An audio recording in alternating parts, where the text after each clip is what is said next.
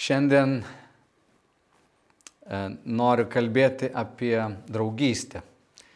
Šią savaitę mes e, šventėme Valentino dieną. Tikiuosi, kad šventėte, bent jau aplinkui visur matėm gėlės, matėm širdutės. Nedaug kas žino, kas šventasis Valentinas buvo, kad jis buvo celibatė gyvenantis kunigas, kuris slapčia tuokdavo uh, persekiojamas krikščionis ir, ir, ir dalindavo jiems tokias širdutes išpjau, iš, iškirptas iš, iš medžiagos. Ir pats buvo krikščionis, kankinys, imperatoriaus Klaudijaus, man atrodo, jis buvo suimtas ir 269 metais berots mirė kankinio mirtimi. Prieš tai dar meldėsis už, už kalėjimo prižiūrėtojo dukrą kaip istorija pasakoja, kuri buvo akla ir viešpats ją pagydė. Ir jis jai labai gražų laišką parašė ir ten pasirašė tavo Valentinas. Na ir ta tradicija šiandien išplito ir visi šiomis dienomis, na, vasario 14 dieną nori nelikti vieni, per radiją girdėjau net penktokės mergaitės bijo likti vienos, nori geriau su kažkuo būti Ir va tas širdies troškimas būti arti kito žmogaus, kurio, kurį galėtumėm pavadinti savo e, mylimuoju, mylimąją, e, draugu, yra be galo svarbus ir toks, na, Dievo įdėtas iš tiesų į mūsų širdis. Ir e, viskas šiandien yra taip suromantinta, ar galim taip sakyti, romantika tokia, tokiu grožiu aplipdyta. Ir visi mes suprantam, kad tai, ką filmuose matom, tą, tą gražią kažkokią istoriją, jinai dažnai būna ir nusėta įvairiausiais konfliktais, atitolimais, susitaikymais. O kai kalbame apie draugystę, tai dar įdomesnis dalykas, nes um, kaip C.S. Lewisas sako apie draugystę, kad draugystė iš vienos pusės, jos nemenkinant, yra mažiausiai natūrali meilė. Ji yra mažiausiai instinktyvi, biologinė, organiška ar būtina. Draugystė yra nebūtina kaip filosofija, kaip menas, kaip ir pati visata, nes Dievui nebuvo būtina ją sukurti. Ji neturi vertės žmogaus išlikimui. Tačiau draugystė yra vienas iš tų dalykų, kuris suteikia vertę išlikimui. Galima gyventi be draugų, galime visą gyvenimą prabūti vienišiumi ir tai nepaveiks tavo išlikimų. Tam, kad gimtume, turim turėti ir tėtį, ir mamą, tam, kad būtume apsaugoti ir vaikystėje kažkaip prižiūrėti, mums reikia šeimos, bet žinoma, galim nugyventi visą gyvenimą be draugų. Klausimas, ar turi draugų, ar turi vieną kitą draugą, kuris būtų tau labai toks artimas, į kurį galėtum atsiremti. Sies Luisas sako, tai nėra būtinybė.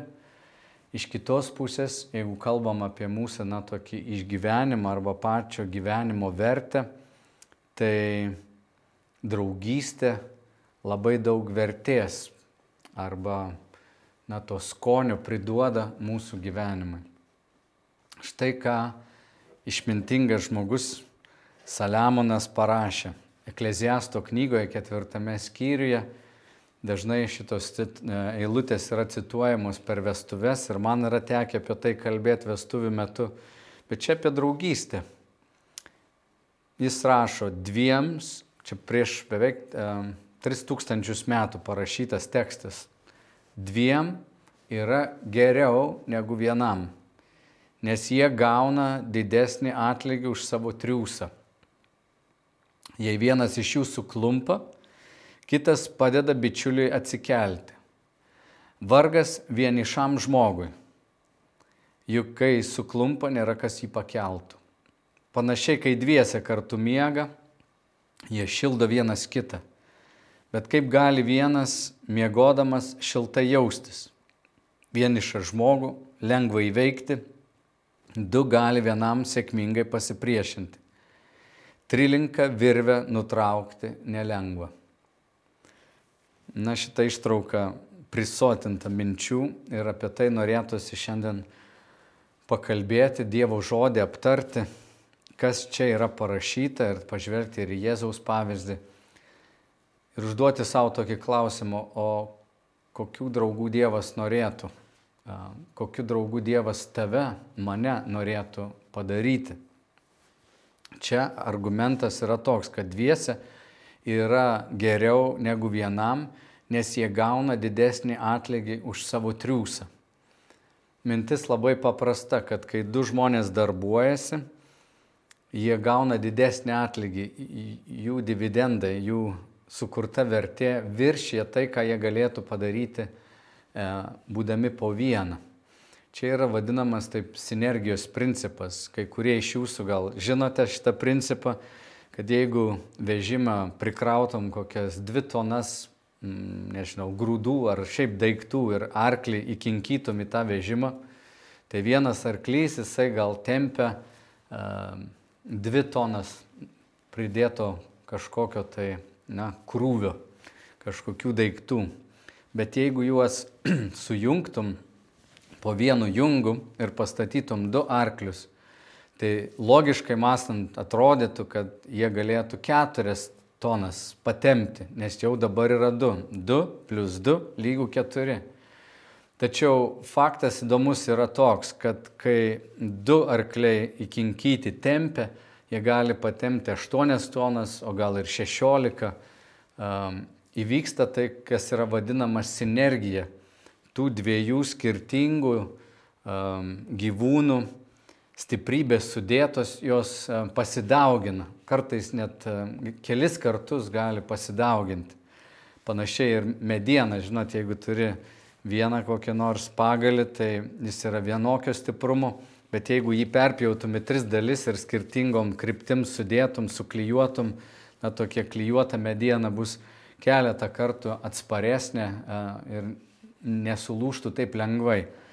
Čia pasakyta, kad jeigu du žmonės E, sueina kartu ir pradeda dėl kažko darbuotis, jie turės didesnį atlygį iš savo triūsą, jie nuveiks daugiau.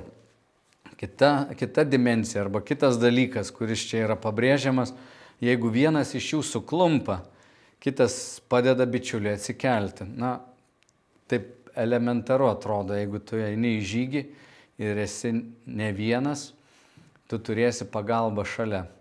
Alpinistai, kai jie kopia, jūs žinot, irgi prisiriša vienas, palaiko kitą, jeigu vienas krenta, kitas gali jį sulaikyti. Žodžiu, argumentai visi eina link to, kad žmogui negerai būti vienam. O čia pasakyta, vargas vienišam žmogui. Tai sąskambi galime tokį išgirsti pradžios knygoje, kai Dievas sukūrė žmogų ir sako, negerai žmogui būti vienam vienišas žmogus, kuris na, neturi kito, į ką galėtų įsikipti, jaučiasi, kad eina per gyvenimą vienas, jis turbūt ir nuveiks daug mažiau ir, ir, ir bus vienišas.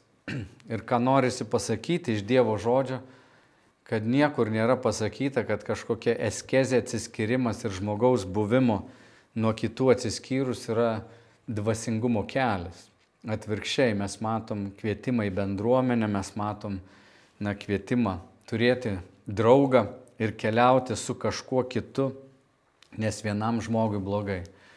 Čia ir norėtųsi pasakyti visiems, kurie neturi na, draugo, partnerio, sutoktinio, kad Valentino diena gali taip, na, depresiją truputį kelti, bet labai norėtųsi kiekvieną drąsinti kad šitas klausimas, na, jeigu aš neturiu sutoktinio, ar tai reiškia, kad turiu būti vienišas? Ne. Manau, kad kiekvienas turėtumėm siekti turėti draugą, kad nebūtumėm vieniši. Dažnai sakau žmonėms, kurie neturi na, antros pusės, kad jie investuotų tą laiką, kurį sutoktiniai skiria pasimatymams, išeiti, tarkim, kažkur pasivaikščioti kiekvieną savaitę, kai jie investuoja į tą tarpusavio santyki, kad lygiai tiek pat laiko turėtum skirti, būdamas vienas, skirti tiek laiko savo draugams. Tu turėtum, na, prioritizuoti tai, skirti tam labai svarbę savo gyvenimo dalį, nes draugystėj na, reikalinga intencija. Ir čia Dievo žodis mus labai aiškiai kreipia link to. Toliau skaitom, juk kai suklumpa, nėra kas jį pakeltų. Štai kame problema. Žmogus turi turėti savo pagalbos. Panašiai, kai dviese kartu miega, jie šildo vienas kitą. Vėlgi, kaip viena malka nedega, taip vienas žmogus gulėdamas jisai nesusišildys pats su savimi. Aš pamenu, kai mes e, paaugliai kažkada išvažiavom e, prie Platelių ežero, netoli plungės, į tokį turistinį žygį kelias naktis prabūti ir nežinau, kas mums šovė galvą, bet mes nepasiemėm mėgmaišių, o gal tais tarybiniais laikais ir nebuvo gerų mėgmaišių bet pamenu, kaip mes trys vyrukai, visi taip kaip, kaip šaukštai e, stalčiai sugulę buvom, e, susikabinę, bandėm susišildyti ir taip mėgojom. Tai čia ta pati mintis, kaip per vestuvę sakom, na tai du žmonės, jie vienoje lovoje miega, bet e, kokie kariai, jie taip pat laukia, jeigu atsidurtų, turbūt stengtųsi apsikabinti vienas kitą ir taip šildyti. Vėlgi, gražus tokie paveikslai piešiami, kaip vat, kas atsitinka, kai du žmonės, du šilti kūnai susijungia, jie sukuria daugiau energijos, na, vienas kitą pašildo. Du žmonės sueina bendradarbiauti, kažką dirbti, kažko siekti, jie irgi daugiau naudos turės. Vienišą žmogų lengva įveikti, du gali vienam sėkmingai pasipriešinti. Taip pat du, kurie sutarė kartu eiti, ar ne? Amosas taip pat rašo, kaip gali du keliauti, jeigu nesutars kartu, na, kur jie eina. Tai čia mes matom irgi, kad draugai, kurie susitarė, kad viena kryptim keliaus, jie gali, na, atsistoti ir į tokį alijansą ir pasipriešinti, jeigu kažkas juos pultų. Na ir paskutinė čia dalis šitos ištraukos, kurią skaičiau, skamba gan įdomiai trilinką virvę nutraukti nelengva. Vėlgi tas pats principas, tik čia, kai sakoma trilinka virvė, tai dažnai interpretuojama, kad ir Dievas yra na, tarptų dviejų žmonių. Ir manau, tikrai yra tinkama mums taip manyti, nes ten, kur du žmonės bendrauja, Dievas yra tarp jų, jis yra visur. Bet ypatingai, kur du žmonės, du, trys susirenka, Jėzus sako, aš būsiu tarp jų. Mes žinom, kad kažkas šventa vyksta, kai du žmonės bendrauja. Um, tarp jų užsimesgęs ryšys yra atspindys to, ką mes matome trejybėje. Tai yra Dievo planas, kad kiekvienas žmogus, jisai turėtų ryšį su kitu asmeniu. Taip mes esam sukurti, taip mes atreaguojam viens nuo kito, taip gaunam pagalbos vienas iš kito. Ir jeigu draugystė tarp krikščionių stato Kristų dar į centrą, man atrodo, tai ypatingai šventas dalykas, jeigu tie du žmonės Jėzų iškelia na, būti prioritetu jų santykyje, tai pašventina jų santyki ir jie bus sujungti dar vieną dimenciją, tokią dvasinę dimenciją, galbūt net savo pašaukimo plotmėje. Ir draugystė yra tai, kas turi būti sąmoningai na, puoselėjama, į ką reikia investuoti. Nes draugystė pati iš savęs niekada neįsiverši tavo gyvenimą. Niekas neįlėksi tavo gyvenimą su tokia jėga ir sakys, štai dabar būkim čia. Šeima jinai, na, tarsi nekviesta ateina, mes gimstame į šeimą, mes ateiname iš tėvų, kažkokie kiti socialiniai santykiai, bendradarbiai, klasiokai, bet draugystė yra tai, ko mes turime patys siekti arba ieškoti ir link ko mes turėtumėm eiti. Tik draugystė yra ne tai, kas na, atsistoja žmogus ir sako, o įdomu, kas mane gali mylėti ar tu myli mane, ar tu norėtum būti mano draugas. Jei kas prieitų prie manęs ir sakytų, jaučiu, kad mes galim būti patys geriausi draugai, na tikrai sukurtų manyje tokia, mm, nežinau, įtampa. Toks jausmas, kad kažkas tuoj mane nusisavins. Toks jausmas, kad kažkas nori prieiti ir užimti mane, paimti. O draugystė pati iš savęs yra dviejų laisvų žmonių kažkoks toks šokis, kur pradedam susišokti. Ir, ir kas iš tiesų įvyksta, kad draugystė labai dažnai užsimesga tokiu būdu, kad du žmonės gyvenime atsiduria vieną šalia kito ir pradeda matyti, kad jie mato panašiai kaip, na, kitas mato. Ir kai jie mato gyvenimą, kažkokią tiesą panašiai, jų širdis susijungia, kada jų vertybės, na, susigroja, e, jie tada atranda tokią jungtį, tokią trauką vienas e, būti šalia kito. Draugystė niekada negali būti tokia primesta, jinai yra labiau atrandama. Kada žmonės būdami šalia, kalbėdami, atsiverdami, pradeda pastebėti, kad jų matymo laukas yra panašus, kad jie tiesą mato labai panašiai. Štai kaip Jėzus kalbėjo mokiniams apie draugystę, Jono 15 skyrius. Kaip mane tėvas pamilo, taip ir aš jūs pamilau. Pasilikite mano meilėje. Jei laikysitės mano įsakymų, pasiliksite mano meilėje kaip kad aš vykdau savo tėvo įsakymus ir pasilieku jo meilėje. Štai čia ta pati mintis yra. Jėzus sako, jeigu laikysitės mano įsakymų, ką tai reiškia? Jėzus kviečia mokinius matyti gyvenimą taip, kaip jis mato. Jėzus eina ir padeda mm, visuomenės paraštėse esantiems žmonėms. Jis mato, tarkim, vargšą, serganti, jis eina ir gydo jį. Ir paskui sako mokiniam, eikit ir gydykit. Jis mato našlę, kuri daug atiduoda.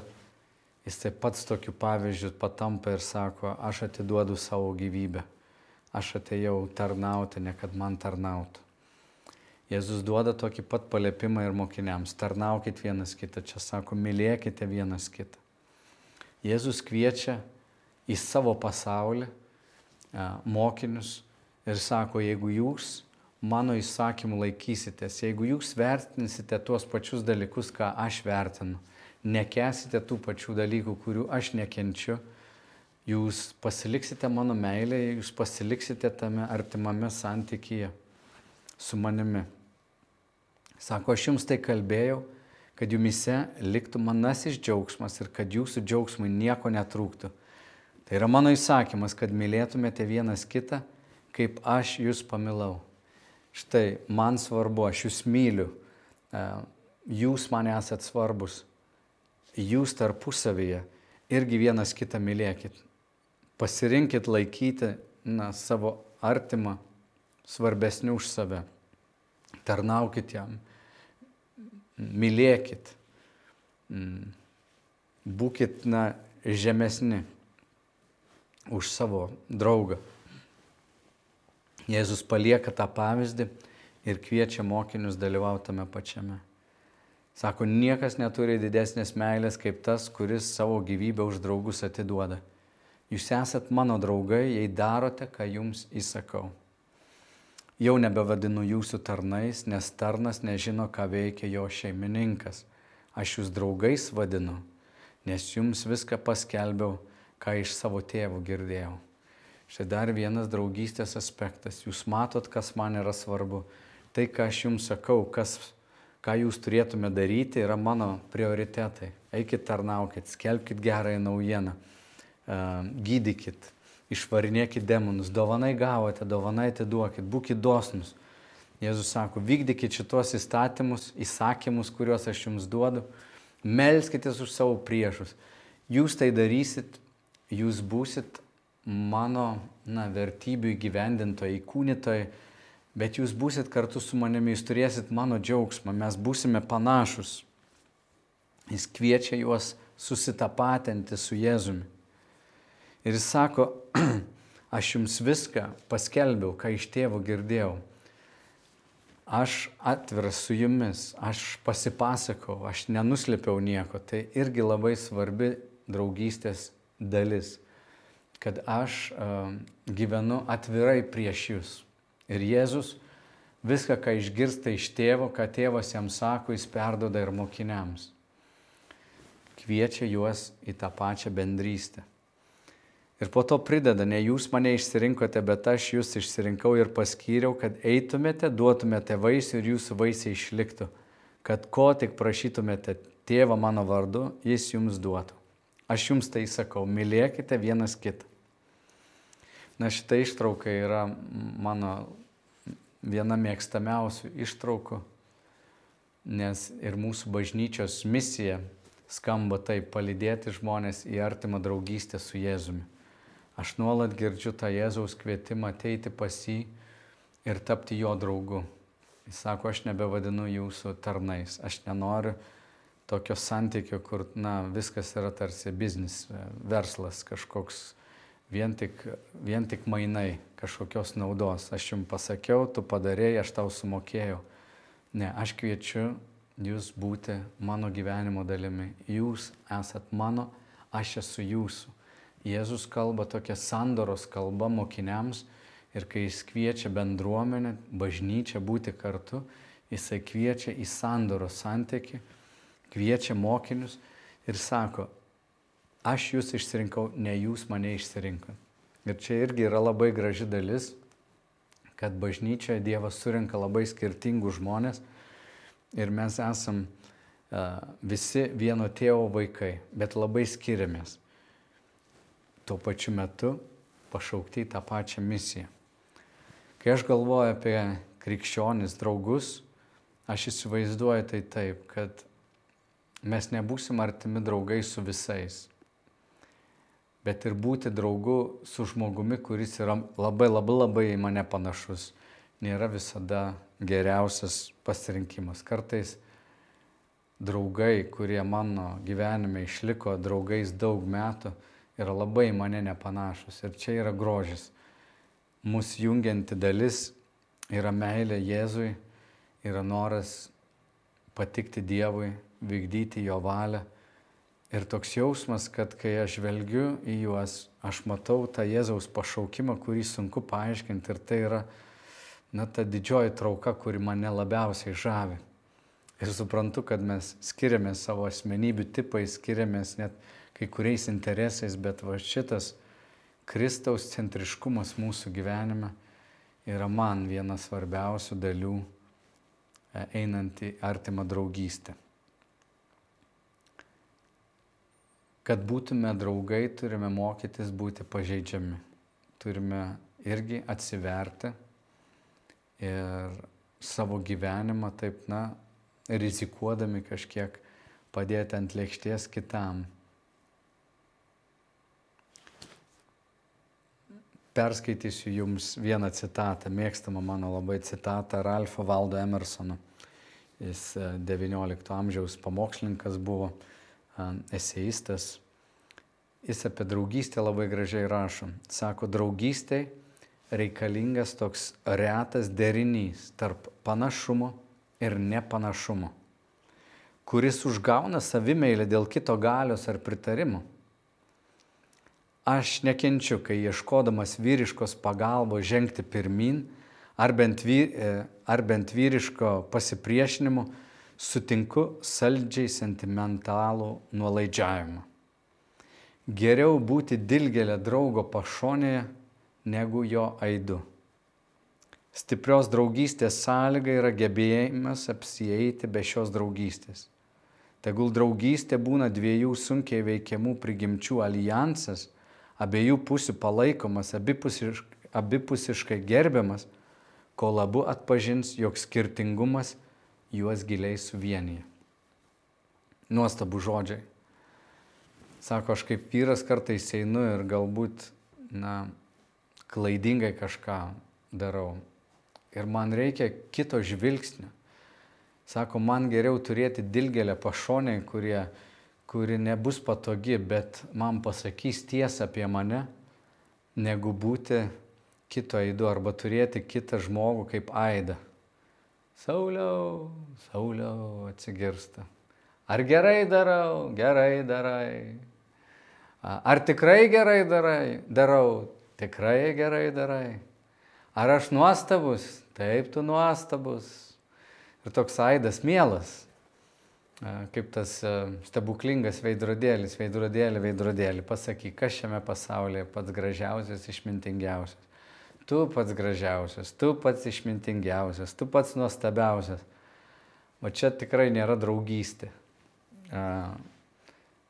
Geriau draugas, kuris, na, mato tave ir, ir, ir žinoma, čia didžioji dovana draugystėje, kad kitas, būdamas kitoks, jis tave gerbė, bet jis gali ir pasipriešinti tavo kažkokiems nuostatoms, kur tu klysti ir pasakyti tau tiesą. Tai didelė vertybė. Aš patvirausiu su jumis truputėlį, kad e, būdamas pastorium matau, kaip žmonės kartais mane idealizuoja.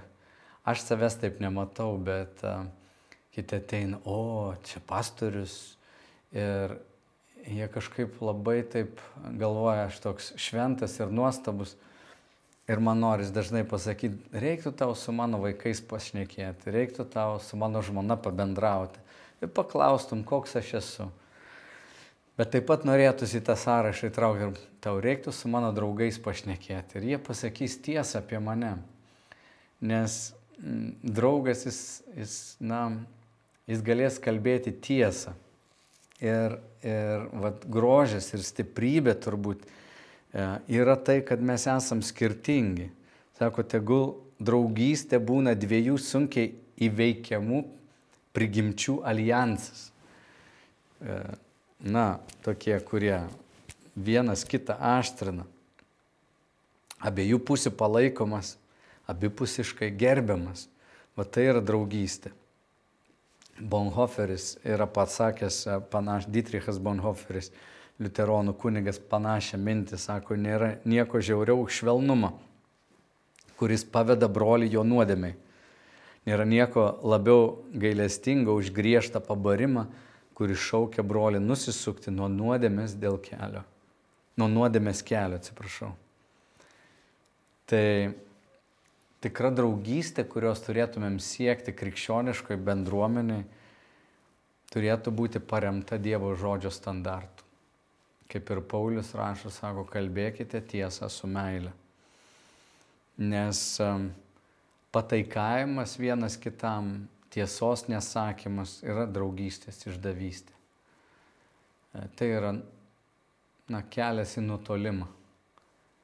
Kai jau draugai nustoja kalbėti tiesą vienas kitam, pradeda kažkaip pataikauti, pradeda gėdytis, atsiranda toks sentimentalus jausmas, aš visgi nenoriu prarasti tos draugystės, ai gal patilėsiu. Tai tas patilėjimas patraukia truputį šviesos iš tų santykių ir tamsa užima vietą. E, atsiranda kažkoks tai vakumas, kurį pradeda užpildyti kiti dalykai. Ir nutolimas bus neišvengiamas. Todėl draugystėje, manau, verta visada pasitikrinti, sustoti ir paklausti. Pasakyk tu, ką apie mane galvoji. Na, atsistoti į tokią poziciją, kurioje sakytum, aš noriu, kad tu man darytum įtaką. Todėl atsiveriu prieš tave, pasakyk, ką tu iš tikrųjų galvoji. Ir va čia gausi tikrą dovaną, jeigu tau draugas nepabijos ir jis patviraus ir tau pasakys, ką jis galvoja, jis tave paaštrins, jis tave pakoreguos, gal pasisuks tavo, tavo kelias į kitą pusę. Tai bus tikra didelė dovana. O kitu atveju, jeigu mes pradedam daryti tokius kompromisus su nutilėjimais, tai tie santykiai daros tokie sentimentalūs ir, na, geriausiu atveju ta draugystė liks tokie du paraleliniai gyvenimai, kurie nebedaug turi sąsojų, gal tai kažkokios erdvės truputėlį, bet iš tikrųjų tarp jų nieko nebeliks. Brangiai, ką, e, kaip mums tokių draugų susirasti? Galiu pasakyti paprastai, jų beveik neįmanoma surasti. Vienintelį dalyką, ką galim daryti, tai irgi šventame rašte pasitelkti šito patarimu. Kas nori turėti draugų, turi pats būti draugiškas. Būna draugų artimesnių už brolį. Patarimas toksai. Mūsų dėmesys turėtų būti visada sutelktas, ne kas bus mano draugas, O kaip patapti tokiu geru draugu? Kaip patapti atviru, pažeidžiamu, sąžiningu, tarnaujančiu, Ir toks būdamas tikrai pamatysi, kaip aplink tave pradeda burti žmonės, kurie panašiai masto. Ir um, šitas principas, kad norėdamas susirasti gerą draugą, tau nereikia jų eiti ieškoti, tau reikia stengtis tokiu būti. E, nes mes aplink save na, nešiojamės tam tikrą lauką, ar ne? Mūsų vertybės jos išsireiškia mūsų veiksmais. Ir panašiai, kaip, pavyzdžiui, du draugai eina, sako, aš matau pasaulį panašiai, ir vienas iš jų sako, žinai, aš nebet, neturiu labai daug laiko, turiu dirbti labai, turiu verslą pastatyti, noriu pinigų užsidirbti. Tai toks sprendimas nereikš, kad tas kitas draugas išdavė, bet tiesiog pasikeitus vertybėm žmogus pradeda judėti kitą linkmę, o tas, tarkim, masto apie kažkokią misiją, nežinau, edukuoti kaimo uh, mergaitės ar net tenais, ar berniukus, kad jie, uh, nežinau, įgytų kokią nežinau, jokia mintis neteina į galvą, bet uh, vienas gyvena misiją, o kitas sako, aš noriu užsidirbti pinigų. Po kiek laiko aplink tą žmogų susiburs daug žmonių, kurie irgi daro tą patį. Jie stengiasi uždirbti pinigų. Ir jiems bus gerai, jie tiesiog supanašės. O, o tas žmogus, jis ras kitus draugus, kurie bus šioje misijoje. Ir mes tą matom nuolat, koks pranciškus asižėtis, jis gauna pašaukimą iš Dievo atstatyti bažnyčią, jis viską palieka ir užsima šitą misiją.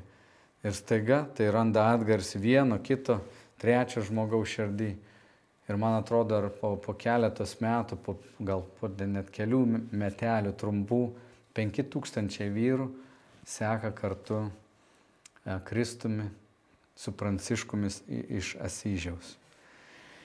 Tai man šią savaitę, kai mes kalbam apie, na, apie šeimą, e, kalbam apie kaip šeima gali būti misijoje, norėjus ir šiandien pažvelgti Dievo žodį ir į tą Jėzaus kvietimą, būti Jėzaus draugais, bet investuoti taip pat ir į draugystės.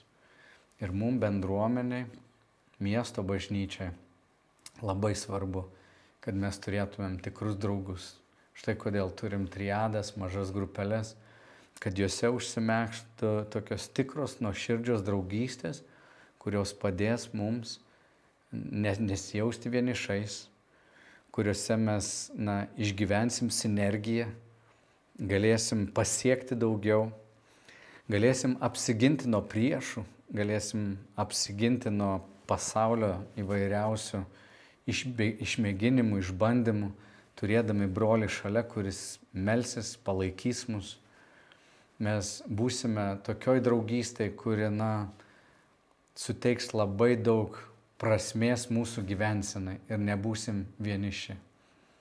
Todėl aš meldžiu, kad tu šventoji dvasia miesto bažnyčiai padėtum užmėgsti tokias draugystės, kuriomis tu viešpatė didžiuojasi. Draugystės, kurios mus, na, artintų prie tavęs, kuriuose tiesa būtų kalbama, kuriuose meilė tarptų, kad mes mylėtume vienas kitą, laikydami vienas kitą aukščiau už save, galėtumėm tarnauti. Aš labai meldžiu viešpadė, kad duotum malonės kiekvienam sulėtėti ir paversti draugystės prioritetu, kad tom draugystėm atsirastų vietos kiekvieną savaitę, kad kiekvieną savaitę broliai, sesės galėtų susijungti, pasidalinti, išsikalbėti apie tai, kas vyksta jų gyvenime ir vienas kitą palaikyti.